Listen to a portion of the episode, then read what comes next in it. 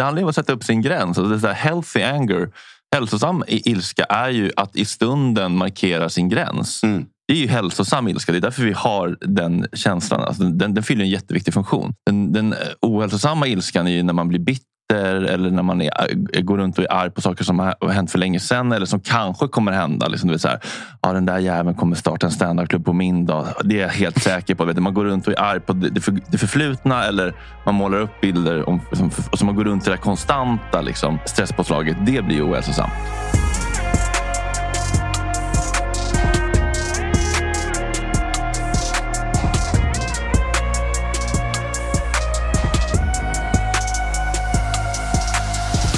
Ja, då vill jag önska alla lyssnare varmt välkomna till ännu ett avsnitt av Hedén med Boman och Granander, en beroendepodd. Ja, det här är en podd som jag gör och som jag släpper varje onsdag. Och eh, jag sitter här och försöker avstigmatisera denna skuldbelagda och skambelagda folksjukdom. Jag försöker sprida lite kunskap om det här i den mån jag kan. Ibland är det hopplöst, ibland så finns det hopp. Det är lite olika. Och eh, till hjälp har jag mina vänner från The House Rehab. De är här ibland och vi kör lite olika temasamtal som ni vet. Och ibland sitter jag här själv med en gäst. Och idag har jag med mig en gäst som ovanlighetens skull kan man säga inte lever nykter. De flesta gästerna brukar leva nyktra som vi har här.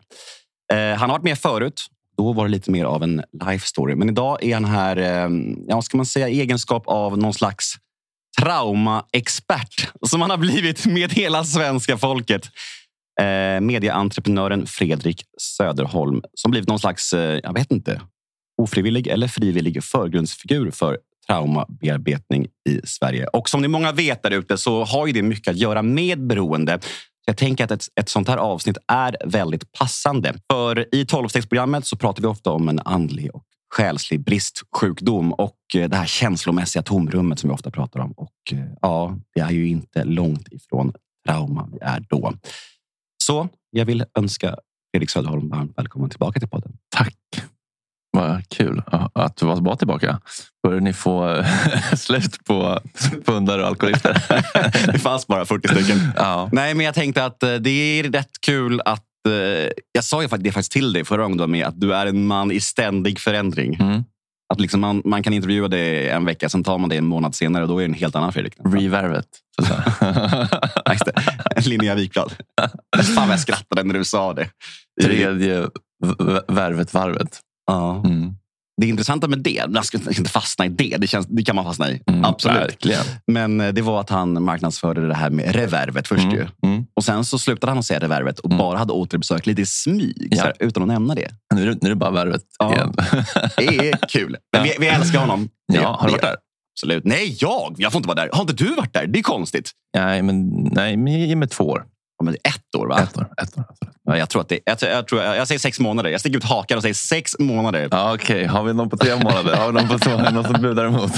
Grejen är att, att har man följt dig genom åren och eh, ja, men framförallt det senaste halvåret så känns det som att det verkligen har liksom hänt mycket. Och eh, väldigt mycket som du skriver håller jag med dig om. Och jag brukar skriva det till dig också. Att det är saker som ja, men väcks inom en och man verkligen kan relatera. Och sen är det vissa saker som jag inte riktigt håller med om. Och det känns ju intressant att prata om. Vi, Eller? vi kommer beröra båda. Ah. Ja, Så det kan bli eh, dynamisk diskussion här idag. Mm. Ja. Men eh, jag sa just det att det är lite olika varianter man får av dig beroende på när man träffar dig. Va, Mm. va, vart är du just nu i livet? Ja, men det har jag sagt i, i, i flera outlets nu, men just nu är jag i en sån otrolig hög på livet-period. Alltså tacksam för att, att leva, att ha överlevt och bara är så jävla övertänd på projekt och grejer. Göra, få, få saker gjort. Liksom exekutera drömmar. Liksom. Så nu är det väldigt många järn i elden just nu. Det är damp, dampig stämning här på Bing Bong och Bing Bong Event AB.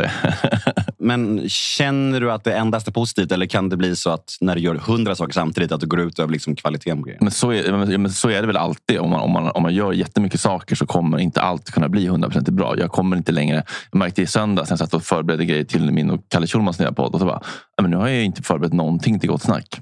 Men det är okej. för att Gott Snack är en annan typ av produkt där det är lite mer... Alltså det är inte alltid uppskattat att man kommer med någon, liksom, någon lång harang eller någon span. Utan där vill folk med sitta och fika och snacka gott. Liksom, och det är helt okej och det får vara så. Mm. Vad vet du nu om eh, beroende, missbruk och hela den här biten som du inte visste för säg två år sedan? Ja, men det är ju den här grejen att eh, beroendet inte är grundproblemet utan ett symptom på någon slags emotionell eh, smärta. Det är väl det som är den stora grejen ändå. Mm. Men du var ju ändå inne i tolvstegssvängen och då är vi ju ändå där och nosar med just det här att det står till och med i våra texter att det här med att ja, men, alkoholen och drogerna var bara ett symptom. Vi måste gå till botten med bakomliggande faktorer. Mm. Men då fäster det inte på samma sätt? Eller? Nej, men sen så gör man inte riktigt det tycker jag. Utan man, eh, man, man gör lite listor så här på vad man har gjort dumt och sina karaktärsdefekter. Och eh, man ska gottgöra dem man har gjort illa. Men det är inte så himla liksom compassionate. Liksom, så här, men vad har jag varit med om som har gjort att jag inte kan hantera mitt känsloliv? Det finns liksom inget riktigt steg för anknytning och trauma och det där som så, så man är där och nosar. Liksom, så här, jag har ett svart eh, jag har ett, eh, ett, ett tomrum, ett, eh, en själslig bristsjukdom och det är tomrum. Men det är liksom luddigt och det definieras inte riktigt. Det är skrivet liksom innan man hade så mycket forskning och kunskap kanske om anknytning och trauma och sånt där. Mm. Att det är liksom där och, och nudgar, men inte riktigt. Och så tycker jag att det är lite liksom, alltså det är lite blamigt. Mot, alltså man ska liksom tala, tala om sina defekter och man ska tala om att man är, har en obotlig sjukdom. Och det är lite så här, det är lite dömande tycker jag mot eh, jag-delarna som försöker liksom, skydda en från smärta genom att ta till de här dysfunktionella strategierna. Liksom. Det, det, är inte så...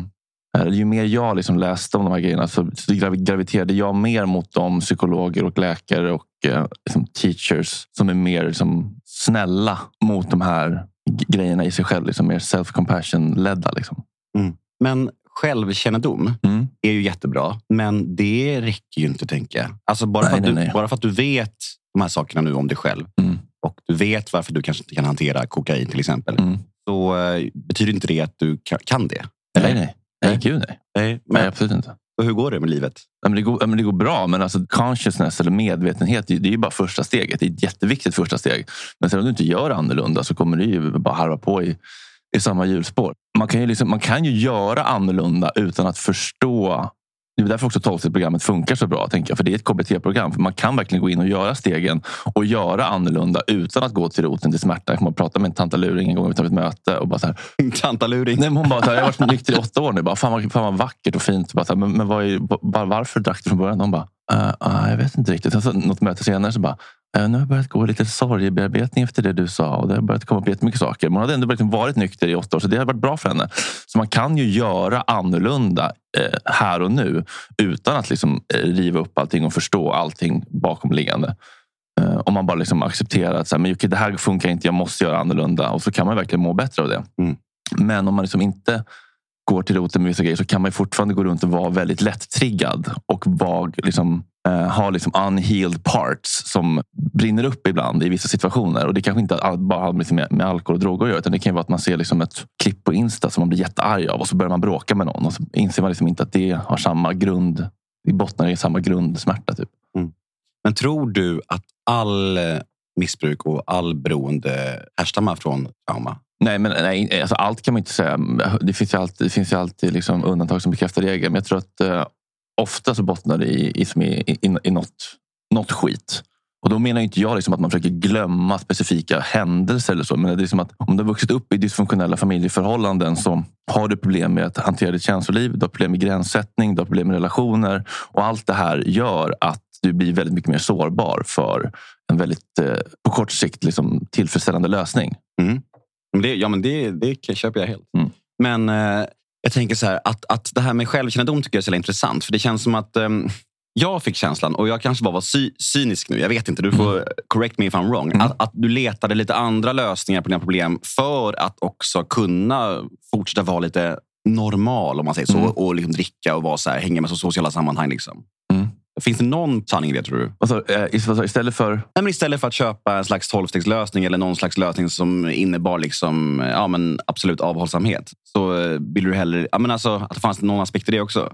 Ja, absolut. Eh, verkligen. Jag- ville liksom eh, absolut... Eh, jag tyckte liksom att det var orättvist att jag skulle behöva liksom, eh, vad säger man? förvägra mig själv den liksom, njutningen i livet som sinnesförändrande substanser ändå är. Men det fanns också just det här frustrationen i att det här, det här symptomlindrandet liksom, som vi håller på med i, i, i samhället i stort. Liksom. Man går till vårdcentralen och man får SSRI och 10 KBT-timmar. Och man, eller så får man liksom ett 12 program och så ska man liksom lindra symptomen och förändra. Men, men, men jag har något slags behov av att förstå. Jag blir, liksom inte, jag blir inte tokig på när någon bara säger så här. Här har du en ekvation och en lösning. Men jag förstår liksom inte hur det hänger ihop. Då blir jag frustrerad. Jag, jag vill förstå. Så jag har också ett behov av att liksom förstå mekanismerna bakom och, kan, och få någon slags sinnesro och eh, självförlåtelse.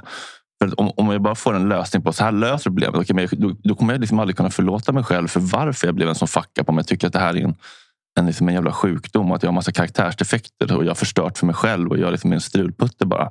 Hur ska jag då liksom kunna börja tycka om mig själv och förlåta mig själv om jag inte förstår hur det kunde bli så här? Föddes jag som en sån här jävla sopa? Liksom.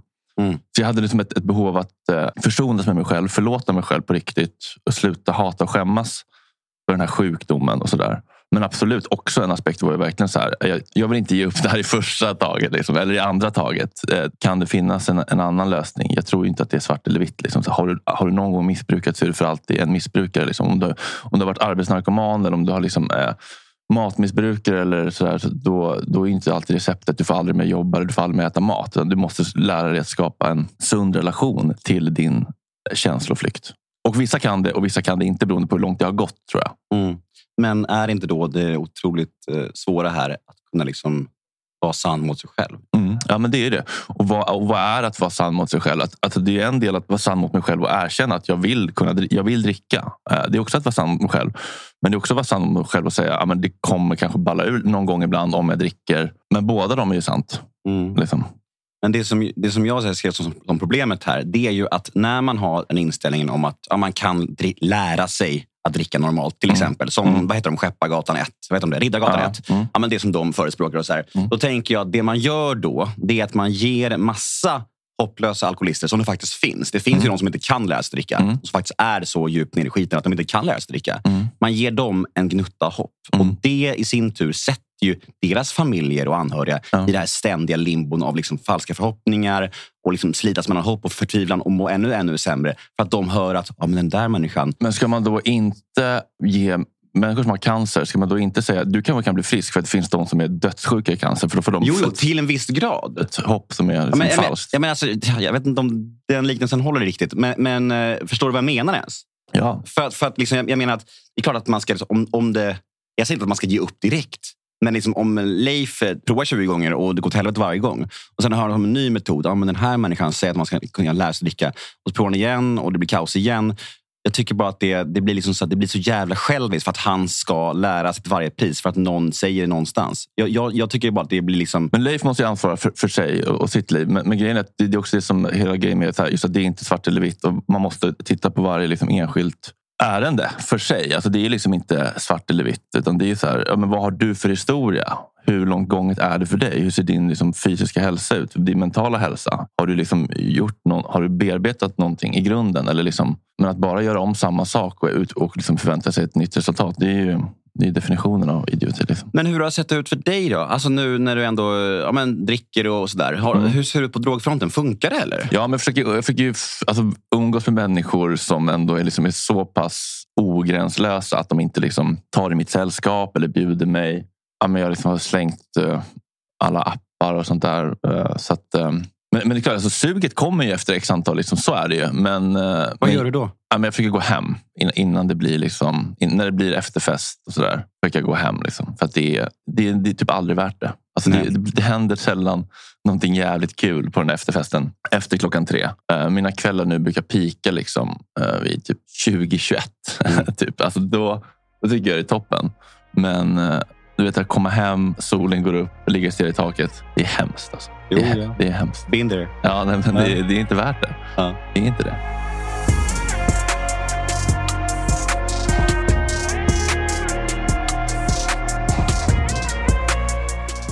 Känner du att du kan vara ärlig här i den här podden nu med mig? Ja, men hyfsat ändå. Och sen så, sen så, finns det saker, jag har blivit lite mer liksom restriktiv med så här, men vad är värt att dela och vilka relationer vill jag hänga ut och hur, liksom, om någonting sårar någon annan och man tycker att den är överkänslig, men om det ändå sårar den, är det värt att prata om det? Då? Jag har blivit, mycket, alltså jag har blivit mer hänsynstagande när det kommer till sånt. Att det inte alltid är värt att Eh, att bara fläka ur allt jag känner bara för att jag har rätt att prata om mina känslor. Men om det påverkar andra människor och mina relationer så är det inte alltid värt det tycker jag. Nej. Nej, om man har följt din och Kalles podd så eh, förstår man ju att det pågår en eh, inre konflikt inom dig mellan nya och gamla Fredrik. Ja, men lite så ju. Mm. Mm. Hur kommer den sluta? Ja, men det vet man ju inte. Men förhoppningsvis att man hittar någon slags balans där man får vara rolig och vass och lite gränslös på gränsen utan att man blir helt liksom jävla cancellerad. Mm. Men det är ganska intressant, för när man eh, lyssnar på podden, eh, både med Ola och med Kalle, så eh, min känsla är att eh, du, som ändå är så pass mycket yngre än båda dem, har liksom eh, har mycket mer villighet till förändring. Du vill liksom eh, vara någon annan på något sätt. Som, Mm. eh, jag vet inte om någon av dem de vill det på samma sätt. Eh, nu tycker jag om både Kalle och Ola. Det är inget, ingenting, liksom, här, inget ont om dem. Men, Mm. men det känns ändå som att det, är lite, det går lite isär där på något sätt. Ja, men så kan det vara. Men, men det beror också på, kanske på hur mycket, mycket lidande man har fått utstå. Alltså, förändring ko- kommer ju ur lidande. Jag kände Mm. här, jag, vill, jag vill verkligen inte leva så här. Det här är ohållbart. Jag förstör för mig själv. Jag får inga relationer att funka. Jag, jag vill inte dö ensam. Liksom. Jag vill verkligen bli en person som kan hantera mina känslor och ha bra, trygga relationer. Ja, men, det, har, det har inte funkat på 30 år. Jag måste förändra någonting. Så att eh, det, det, det kommer ju ur, liksom, ur lidande. Man måste kanske... Fast Ola borde också... Känns också som att han lidit ganska mycket. Kalle kanske inte... Men Kalle vet jag att Kalle känns som att han är på en ganska bra plats. Han... Eh, vad är det han ska förändra tycker du? Eller? Nej, ingen. don't, don't, don't make me go there. Nej, men han känns inte så Nej, kanske inte. Nej, men det känns bara som att han är lite mer sugen på, på eh, vassa...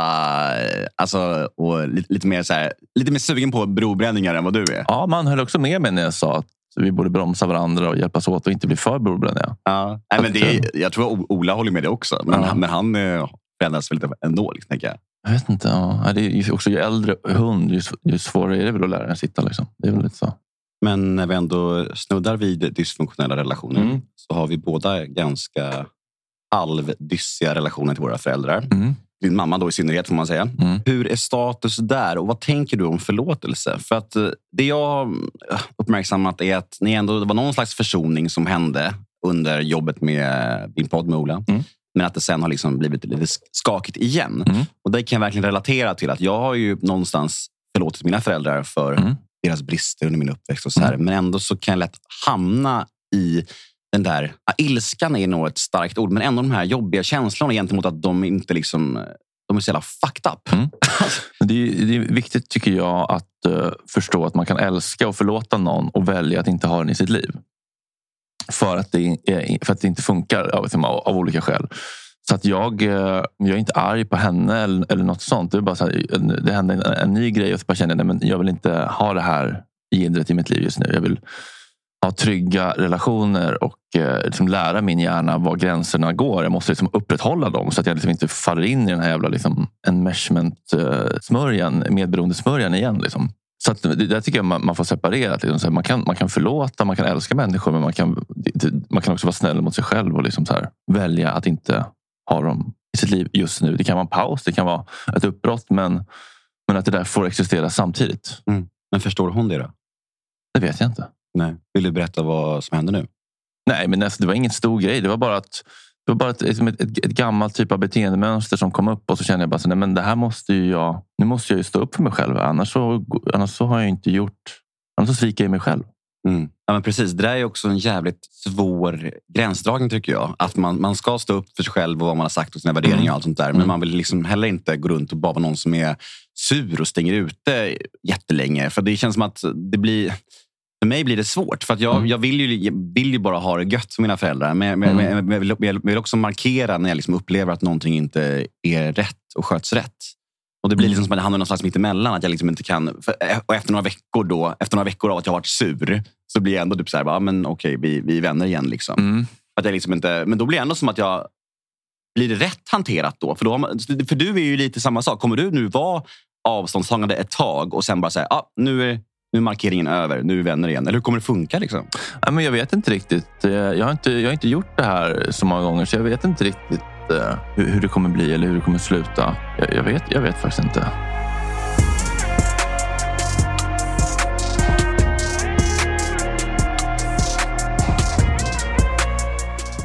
Jag har en mamma som är ja, men dels superantivaxer. Det kan man ju vara. Mm. Det får, alltså, ja, det, det är många som är. hennes liksom, idoler är Runar Sögaard och Peter Wahlbeck. Liksom. Mm, Ja. Gott snack-profilerna. det får man verkligen säga. Ja, nej, men så, så, och, sen så, och det kan man ju vara. Alltså, jag är heller inte så här, varken pro eller con med vaccin. Alltså, jag är mittemellan egentligen. Jag är Mm. vaccinerad, men jag var aldrig liksom säker. Mittemellan kan man säga. Mm. Men då, och det, det köpte jag helt. Vi tjafsade lite om det. Men sen så nu när, jag, när hon var barnvakt till mina barn nu för några helger sedan. Så, bara, så min stora dotter då, Nova som fyller fem snart. Hon bara frågade så här. Hon bara, varför, varför krigar eh, Ryssland med Ukraina? Och, då säger min mamma så här. Bara, Nej, men det gör de inte. Det är Ukraina som är de dumma här. Ukraina är ett dumt land och har förstört jättemycket för Rysslands kompisar och vänner. Det är inget krig egentligen. Det är bara en mediekonstruktion. Och man bara, Jesus. alltså jag bara, vad är det som Var händer kom där? den ifrån? Och jag bara, då tänkte jag så här, okej, då har hon blivit så tajt med sina konspirationshögerkompisar Nej, att det finns liksom en konspiration där också. Att det inte är någon krig egentligen bland dem tydligen. Ah. Så hon har då, då gått, gått, Military special operation. hon har gått exakt, full blown. Liksom. Så nu köper hon allt som sägs där. Jävlar, plötsligt. gåshud. Men alltså, Du, har- du har tappat henne. Ja, men det, var, det var typ så. Alltså, du vet, jag, blev, jag blev så arg. Alltså. Jag bara, vet du vad? Du får hålla på med den här jävla skiten om du vill. Men min dotter ska du inte hjärntvätta. Nej, du spar det. Det finns liksom anhöriga på förskolan som har släkt där borta som far illa. Liksom. Det är liksom ingen kul. kul. Du, du leker med folks känslor. Liksom. Nej. Och så sa jag till henne att om du fortsätter med det här så kommer du göra dig själv till en väldigt ensam och knäpp tant i en stuga i skogen och ingen Mm. kommer vilja vara med dig. Mm. Eh, och, det- och det sa och, jag, och så har jag inte snackat med henne sen dess. Så det här var tre veckor sedan. Mm. Hur, skötte jag det tycker du? Jag tycker det låter helt rimligt. Ja. Där har, men det, det handlar ju om att sätta upp sin gräns. Alltså det är så healthy anger. Hälsosam ilska är ju att i stunden markera sin gräns. Mm. Det är ju hälsosam ilska. Det är därför vi har den känslan. Alltså den, den fyller en jätteviktig funktion. Den, den eh, ohälsosamma ilskan är ju när man blir bitter eller när man är, eh, går runt och är arg på saker som har hänt för länge sedan eller som kanske kommer hända. Liksom, du vet, så här, ja, den där jäveln kommer starta en standardklubb på min dag. Det är jag helt säker på. Vet du. Man går runt och är arg på det, för, det förflutna eller man målar upp bilder om, som, och så man går runt i det konstanta liksom, eh, stresspåslaget. Det blir ohälsosamt. Men Mm. i stunden att markera sin gräns, det är ju hälsosam ilska. Mm. Och framförallt då för sina barns skull kanske. också. Ja, De ska bli konspiratoriska Ja. också. Ja. Men, men ska vi prata lite om det? För det här med att med övertolka och leva i framtiden. och så där. För Det är ju Mm. också ett ämne som ligger mig kärt om hjärtat. ja. ja. Det har vi snackat lite om, det här med eh, egots tolkningar. Mm. ja. Jag har ju fått eh, vara i skottlinjen för det här i, i, i ett radioprogram ett par gånger. ja, men du är lite ansiktet utåt Ja, för nu, egos nu, tolkning. nu är Nemo kränkt igen. Ja. Det är som att, ni, borde ha som, ni borde ha det som veckans segment Ja, men kanske. det är faktiskt ett segmentläge på det. Vad har du lärt dig om det som du inte visste för några år sedan? Nej, men det är ju det här att man går ju runt och, och reagerar inte på det som händer. Utan man går runt och reagerar på sin tolkning av det som händer. När, när, när blev du arg senast? Men det är ju precis som du och Kalle pratar om i podden. där. Det är väldigt mycket med, eh, med smsande. Är det ju. Ja. Alltså man tolkar eh, uteblivna... Ja, vi, tar, vi tar ett konkret exempel. Mm. Något, eh, när blev du arg på något sms Ja, senast? ska vi, Ja, ja, kolla? Vi- vi- du behöver inte hänga ut personen, men bara ta ett exempel. Vi tar upp mobilen här. Eh, Ska vi göra en liten Gabor session här? Jo, men precis. Då. Med mina, mina barns mamma, då, som, Ja. det, som det ofta är. Ja. Jag skriver tre sms och hon svarar bara på det sista. Okej, och varför blir du arg för det? För att det första är någonting som jag liksom så här bryr mig mer om på något sätt. Det har mer att göra med något, någon kul grej jag ska göra. Och det sista är lite mer så här, men, men jag tycker att hon skiter i, i, i det som jag... Alltså att hon bara liksom svarar på det som passar henne. Okej, och varför blir du arg på det? För att... Eh, jag, känner- jag vet jag tror att... Eh, att hon bara skiter i mig. Att hon inte Ja. bryr sig om mig. Ja. Bryr sig om mina behov. Liksom. Mm. Men eh, det är det nog inte. Jag tror det är ganska mänskligt att faktiskt glömma att svara på ett av flera sms när man får Men, flera ja, men då får man fråga sig, finns det någon annan förklaring än att hon skiter i dig till att hon bara svarar på det sista? Ja, hon är på jobbet, hon är stressad, hon, hon kan glömma. Hon, eh, Ja, och då är frågan, men, okej, men varför går man automatiskt till den för sig själv mest smärtsamma tolkningen? Det, är- det är det som är intressant. då är vi där igen. Då Ja. är det för att man fick en piss i barnet. ja, men det är så här. Men så här, för, om, för om du tänker att du är en, en- person som är värd respekt och får kärlek. Var, varför skulle du tro det här om dig själv? Det, det, det, det är du som gör den här... Alltså, t- för, förstår du vad jag far efter? Det är liksom, Men så gör jag hela tiden. ja. Alltså, mitt liv är väldigt eh, ansträngande på ett sånt sätt. kan jag säga. Mm. Det är nog liksom så här, det andra flyter på ganska bra i mitt liv. Men just den där grejen är jävligt jobbig. Och den gör jag liksom Mm. hela tiden. Det kan vara att, alltså, att mina barn, eh, mitt barn fyller år jag lägger upp en, en tvåårspost. Så kan jag liksom tänka så här, men vilka, varför har inte de, den, den kompisen skrivit ett grattis? Det är dålig stil. Liksom. Mm. jag gå in i den känslan och känna mig bortglömd och förbannad och vara arg på den människan. Mm. Men det är ju också helt knäppt. Alltså, så här, alla Men kan ju... du ta ett steg tillbaka och se dig själv utifrån och tänka igenom de här liksom, Alltså, stegen? Jo, men lite mer nu senare tid faktiskt. Mm. Alltså, senaste liksom, halvåret, året. För, alltså, hade det varit för ett, två år sedan då hade jag nog kunnat liksom, höra av mig till folk och bara säga, varför har inte du grattat mitt barn? Förstår du mm. vad jag menar? Alltså, det är helt sinnessjukt. Alltså, det är så extremt. Men nu är det verkligen så. Nu kan jag liksom, ta ett steg tillbaka, gå ur affekten liksom, och sen känna liksom, mm. att ja, men det finns, alla människor har sitt jävla liv. Liksom. Ja. Alla människor har skitmycket. Men det är ju liksom så här, det är, så otro, det är så otroligt svårt när man hamnar i känslor. För jag, jag blir helt uppfylld av dem. Mm. Helt uppfylld. Alltså. Mm. Man liksom, det är som en vägg på något sätt. Mm. Det är liksom det resonliga. Mm. Och jag vet inte, det där måste ju vara... Det känns som att eh, det, det känns mycket starkare för vissa av oss på något sätt. Mm. High sensitive person. Nej, men jag, jag, tror att det handlar mycket om um, min expertis. Då, som, som, att man inte har fått liksom, man har inte, alltså, vi föds ju helt oreglerade och om vi inte får bli liksom medreglerade av våra föräldrar och lära oss liksom hur vi hanterar våra känslor eh, på ett eh, funktionellt sätt så blir det ju ett kaos. Liksom. Mm. Vad hände i dig när du såg på Cyklopernas land och pratade om din podd?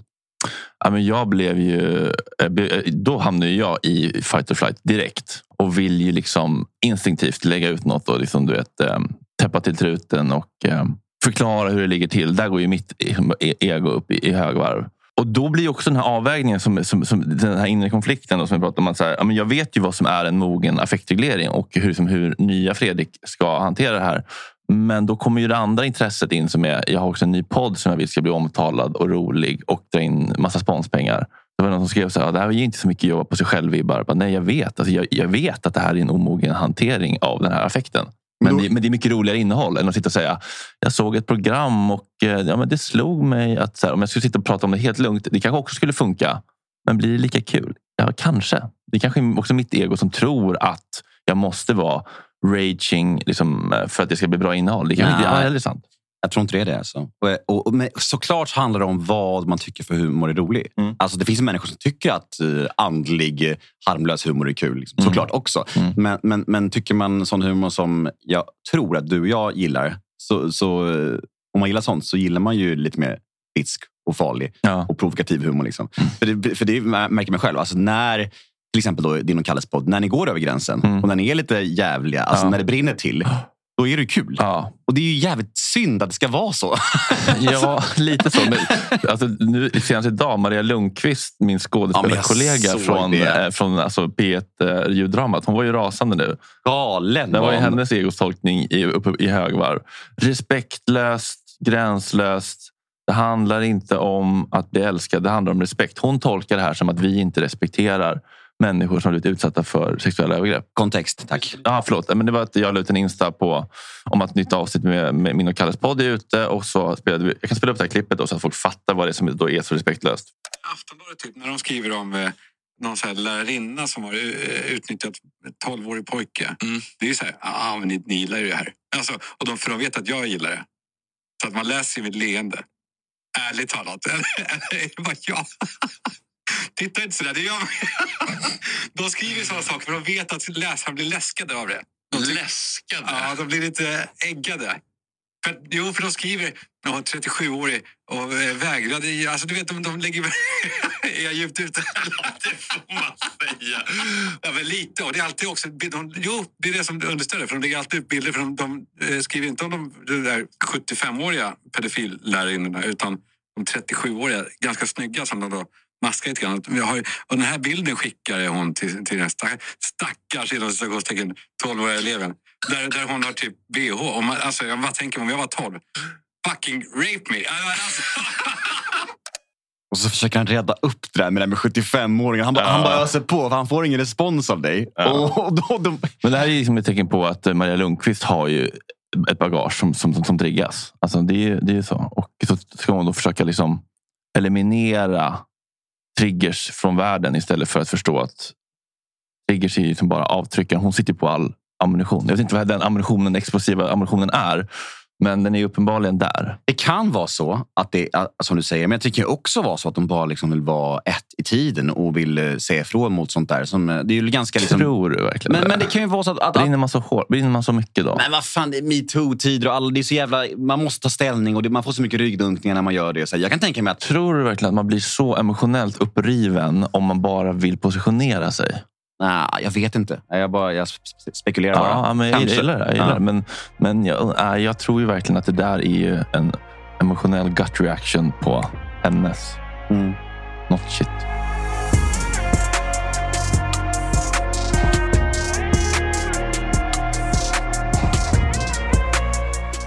Men om vi ska dröja lite vid det här med egots tolkningar Mm. då, för det är Mm. så jävla spännande. Ja, det tycker jag också. Hur kan det då te sig om vi säger att man är en jävligt trygg människa med jävligt liksom stabil uppväxt, man har fått allt man behöver. Kan det då slå över åt andra hållet? Att man, att man läser in överdrivet positiva saker av värsta dissarna? Har du ett exempel? Nej, jag vet inte, men det är en ganska kul tanke. Ja, berätta att man går runt och inte fattar när folk är elak mot en för att man, är Ja. så, man är så jävla trygg. Liksom. Ja, men det, och, och, vad vad är problemet med det i så fall? Då? Jag vet inte, finns det något problem med det? Nej, jag vet Att man inte. går runt och blir jävligt naiv och godtrogen och bara liksom så här nöjd typ. Liksom. Ja, ja, men det låter ju underbart. Ja, hellre det i sig än att gå runt och läsa in skit från alla. Ja, men det är just det där att man orsakar sig själv så mycket lidande när man tolkar folks intentioner. Mm. Maria Lundqvist tolkar att vi har liksom en ond intention här, eller så att hon inte blir respekterad. Men det finns ju ingen sån intention. Vi fick ju bara göra en rolig podd. Mm. Och det gjorde ni ju, får man ju säga. Ja. Ja. Men har du lyckats med att ta steg tillbaka bättre med de här insikterna? Eller hur, hur... Ja, men lite grann. Men, men jag är fortfarande... Alltså jag, jag har, tror att jag har liksom stärkt mitt lugn och ro-system. Liksom det parasympatiska nervsystemet lite grann genom kanske meditation och sådär. Att, att jag har lite liksom vidare toleransfönster. Men jag är fortfarande eh, lätt-triggad eh, med vissa personer framför allt. Men det jag har lärt mig då, vilket tol också tolkas som omoget. Eh, eller liksom, det kan också såra människor. Att jag, när jag är i så här fight or flight, då har jag så mycket aggressivitet, så mycket stresshormoner som alla mina tankar filtreras genom. Så där och då kan jag verkligen känna hat för en person jag älskar. Och då har jag lärt mig att då, då kan inte jag vara the bigger person och vara den mogna och liksom eh, resonera um, liksom på ett moget sätt. För jag är liksom inte i kontakt med mina liksom högsta exekutiva frontallobsdelar av hjärnan. Så då behöver jag bara gå, backa ut i rummet eller lägga på telefonen så att jag inte, som jag gjort back in the day, alltid förstört för mig själv genom att säga saker som liksom, eller göra saker som är liksom oförlåtliga eller oåterkalleliga eller som verkligen pajar relationer. Så då har jag liksom, som ett steg på vägen i alla fall lärt mig att jag måste bara backa ut i rummet eller typ lägga på telefonen. Och Det kan också kännas sårande och, eller framstå väldigt omoget. Men jag har bara lärt mig att så här, det bästa jag kan göra är att bara liksom, jag måste bara kasta ifrån mig vapnet. Liksom, för att jag kan inte hantera det där och då. Så det är verkligen inte optimal liksom, eh, Dalai Lama liksom, affektilering. Men det, det, där är jag på vägen. Liksom. Mm. Men vad har du lärt dig om förlåtelse? Och hur, hur, hur tänker du kring det? Har, har du folk i livet idag som, som du känner har gjort oförlåtliga saker gentemot dig? Eller som du känner att, ja, men tvärtom, som du kanske inte har fått förlåtelse av? Alltså, eller, eller har du liksom ändå någon slags sinnesfrid och sinnesro med de flesta relationer i livet? Ja, men, ja, men det tycker jag. Men, men att det är också en känsla som växer fram. Att man inte bara kan bestämma sig för så här, men okej, men jag förlåter dig. Och sen så bara, men vänta nu här. Nästa gång vi har en konflikt så drar jag ändå upp den här grejen. Men då har du ju inte släppt det. Liksom, så här, utan man måste låta det få växa fram och ta tid och kanske vara typ så här. Men, nej, just nu känner jag inte att jag kan förlåta det här. Men det kommer säkert komma en, en tid då jag, och jag vill göra det. Men jag kan liksom inte bestämma mig för det. För det är ändå en emotionell process att förlåta. På något vis. Och där, jag såg någon Insta häromdagen som jag la ut så här.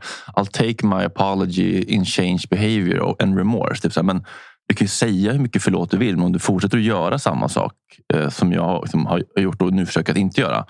Fick jag istället förlåt, eller liksom, jag fick istället eh, gottgöra folk genom att göra annorlunda och bete mig bättre eh, istället för att liksom, en förlåtelse det är ju bara ett tomt ord om man inte gör annorlunda. Ju. Mm. Men så var det nog. När jag gottgjorde min mamma i då 12-stegsprogrammet så sa hon det till mig rakt ut. Hon sa så här, inga mer ord, Emo, handling. Mm. Och det är väl ganska talande för att Ja. det är just det. Man, man kan ju säga förlåt hur mycket som helst, men det väger ju ingenting om man, om man fortsätter att som du säger, älta gammal skit. Så här. Mm. Alltså, gör annorlunda. Clean sheet liksom. Nu, nu kör vi annorlunda. Nu är det liksom ett blankt blad. Mm. Annars blir det helt meningslöst. Ja. Annars väger det ingenting. Men hur har, din eh, omgivning förhållit sig till ditt eh, hattande i det här? eh, Dricka, inte dricka och allt sånt där. Är det inte svårt för dem, tänker jag? För du har, jag, jag misstänker, correct me if I'm wrong, men Mm. att du har varit lite så här, nu ska jag vara nykter och nu, nu får ni stötta mig i det. Och liksom så här, men sen bara, nej, men nu ska jag dricka. Så här. Mm. Hur förhåller sig omgivningen till det? För det var en period här, jag ska vara helt ärlig med dig. Mm. När, när, det var någon gång när jag och Hedman skulle låna din studio. Då var du jävligt risig. Alltså. Då, var du, då var du stökig. Mm. Och folk gick, gick på toa lite. Och jag vet inte vem, var, vem jag var som snackade med. Jag snackade med någon här och sa de så här att det, ja, men det, var, det var droger här. Det var, det var vilt här. Det var vilt här. Fre- Fredrik var på krigsstigen. Liksom. Mm. Och då sa de så här, ja, men vi, vi, vi försöker liksom så här, vara sch- schyssta. Och, så här. och då tänker jag tänker jag bara så här, men hur förhåller sig... För, för du är ändå liksom... De är i beroendeställning till dig. Mm. Hur har det sett ut? Hur funkar det? Ja, men det funkar jättebra för mig. Alla bara stöttar mig i alla mina beslut och tycker att det är jättekul när jag festar. Så att, eh, inga problem. vad kul! Nej, men jag tror frågan egentligen bör nog ställas till dem. För jag kan tänka mig att det är eh, problematiskt. Men, det- men det är ju som du säger, jag har ju någon slags position. Det är, liksom, det är svårt att avskeda chefen. Liksom. Jag kan tänka mig att det är problematiskt och svårt för dem. Mm. När det är ett sånt jävla hattande. Mm. Hur fan ska man förhålla sig till det? Mm.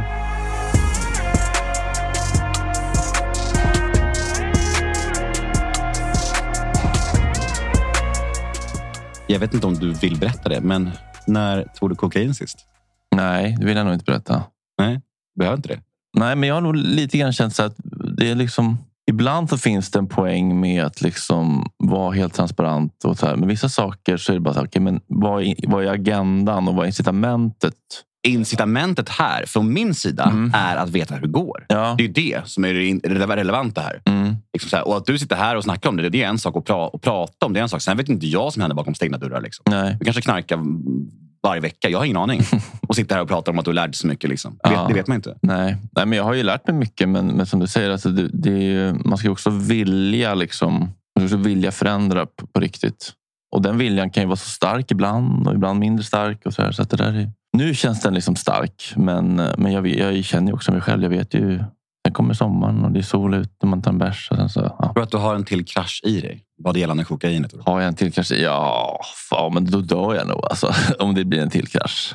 Eh, Så att, eh, nej, det hoppas jag inte. Eller eh, menar du att jag har en i mig som att, att man kan klara en till krasch? Nej, så att det kommer Ja. ske igen. Att du tror att, Aha. du liksom säger att det kommer hända igen. För det är bara du som vet ju hur din relation till det ser ut. Hur det funkar. Uh, jag vet inte. Nej, alltså, jag, känner mig, jag känner mig inte helt säker på... Alltså det, grejen med alkohol är att så här, så, om, om jag dricker så är jag aldrig helt safe. Så är det ju. Enda sättet att vara helt safe är att vara nykter, för då blir jag liksom inte ens sugen. Så det är ju ett risktagande att, eh, att dricka. Liksom. Så du kommer ju konstant då gå på en tunn tråd kan man säga. Ja, det, det, det är frågan liksom hur tunn den är. Liksom. Hur mycket liksom försvar eller hur mycket skyddsmekanismer jag har. Liksom. Men, men, men det är det är ju det är någon slags risktagande. Ju. Det är det. Det är lite som Kristoffer Triumf när jag intervjuade honom häromdagen. Då Mm. pratade, pratade han om att han, han hade sina, sina små knep mot att inte bli jättefull. Han bara Mm. tryckte i sig en massa godis. Eller så här. Och jag bara, ja, fan, varför har du inte gjort en bok om det här tänkte jag. Mm. Det har han ju i och för sig visserligen gjort.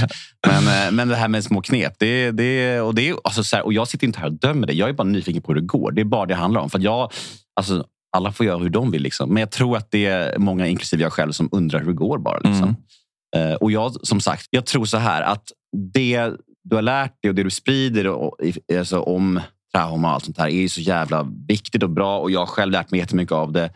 Men jag får också känslan av att det ibland kan bli en slags skydds, skyddsmantel. Ja, men framförallt så är det inget recept för att bli nykter. Nej, Det har ingenting, olika nej, saker, Det har liksom. ingenting med liksom nykterhet att göra. Det är bara för att förstå sig själv. Om man vill bli begriplig för sig själv och känna lite mer sj- självmedkänsla. Men det är absolut inget recept för att bli nykter. Det var nog därför jag blev så provocerad också av dina inlägg om, om när du höll på med de här, eh, din, din, dina små möten. Liksom. Mm.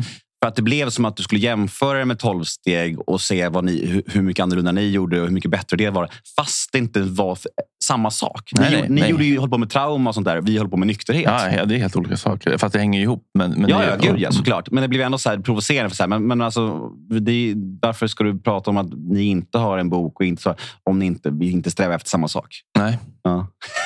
Så blev jag så jävla arg och mitt ego skenade. Men så backade jag ut ur den gruppen också för det var för mycket buhu. Var det sant? Ja, vad hände med det? Nej, jag- Self-Helpers AB, eller vad hette ni? Nej, men det var inget AB. Nej, men self, eh, self-healers eh, snott från någon holistic psychologist. Nej, men det blev, eh, jag bara kände att det blev massa ansvar och så blev det liksom massa eh, ja, men alltså, mer liksom, eh, jobb typ, och liksom ansvar. Och man skulle ha, alltid vara där och öppna och nyckla och koka kaffe. Och så blev det liksom, jag bara kände nej, jag orkar inte. Finns det kvar? Och de kör på, Ja. tror jag. Och det är det som är fint. Att jag drog igång något som lever vidare utan mig. Ja. Hur många är det som är med? Ja, men det var väl typ eh, tio per möte ungefär. Och så var det, men det var samma grupp, liksom, återkommande. Det är helt fint ändå. Ja. Det är lite så du gör. Startar upp saker Och så sen, backar och sen, rummet. Ja. så det, det, finns en, Nästa. Ja. det finns en emoji när Homer Simpson backar in i busken. Ja, exakt. Ja, det är du. Det är verkligen jag. Ja.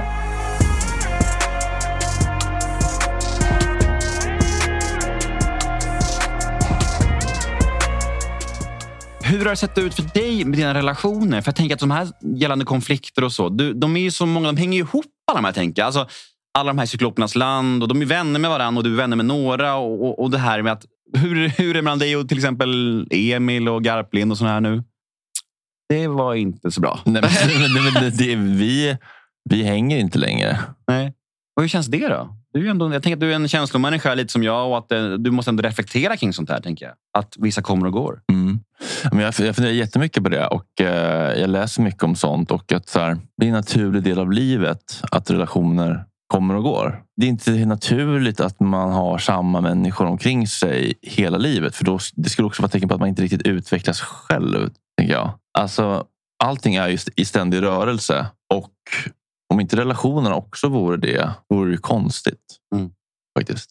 Man kan också ha flera tankar, i huvudet, flera känslor i magen samtidigt. Man kan sörja. Så här, men vi har haft så kul och det där kan jag sakna. Men också så här, den där ängsligheten eller den där liksom tonen eller liksom så här, den där ehm, approachen till livet känner jag mig liksom lite, kanske lite färdig med. Eller liksom, den attraherar inte mig längre. Liksom, jag, vill, jag vill någonting annat och då kanske jag har andra människor att hitta i det. Mm. Och det är okej. Vi ska plocka in mina vänner från The House Rehab och svara på en lyssnarfråga. Och segmentet heter eh, The House svarar.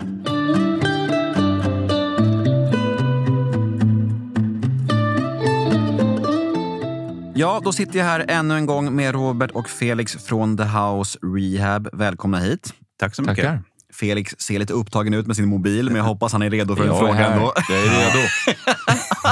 Vi får, Avslöjad. vi får tala om det där sen.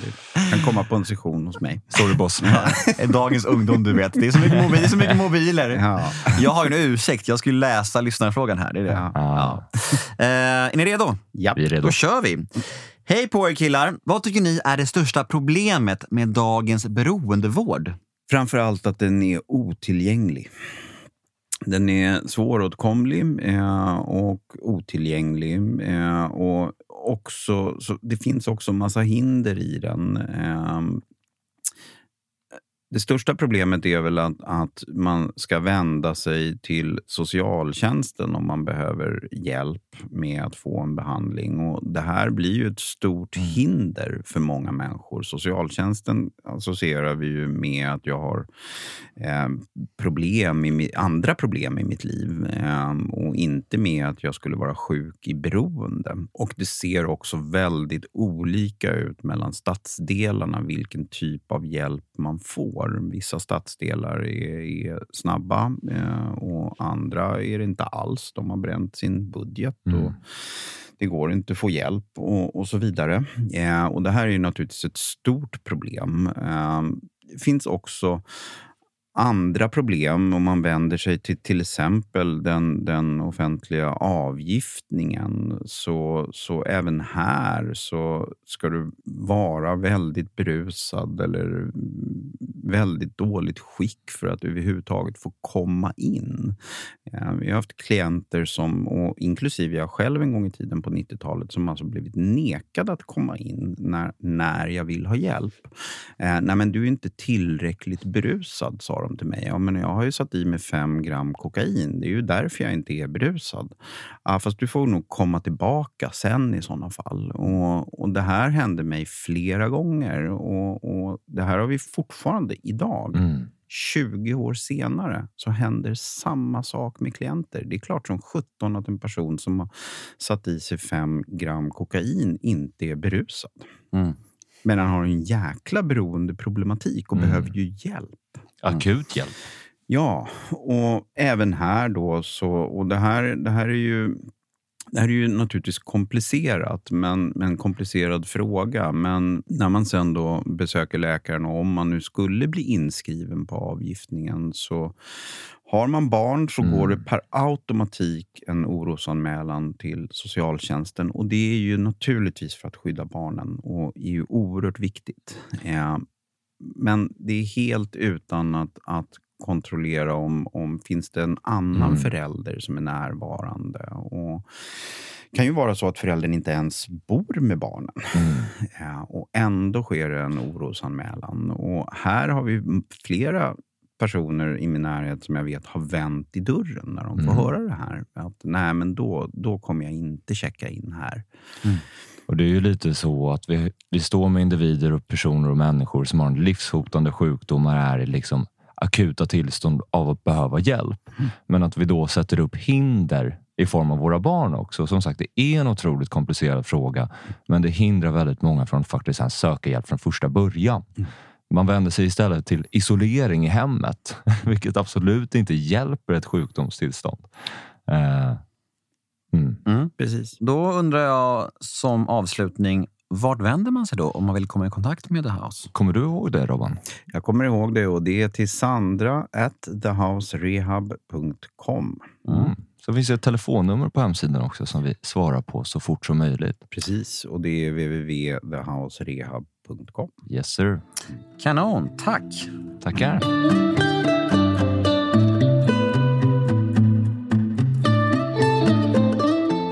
Tack Robert, tack Felix och tack till mig själv för att vi eh, förhoppningsvis gav ett vettigt svar. Jag sitter här med Fredrik Söderholm och vi ska knyta ihop ännu en säck. Och jag tänkte avslutningsvis fråga en fråga kring det här, eh, vårt favoritämne, Mm. egots tolkningar. Mm.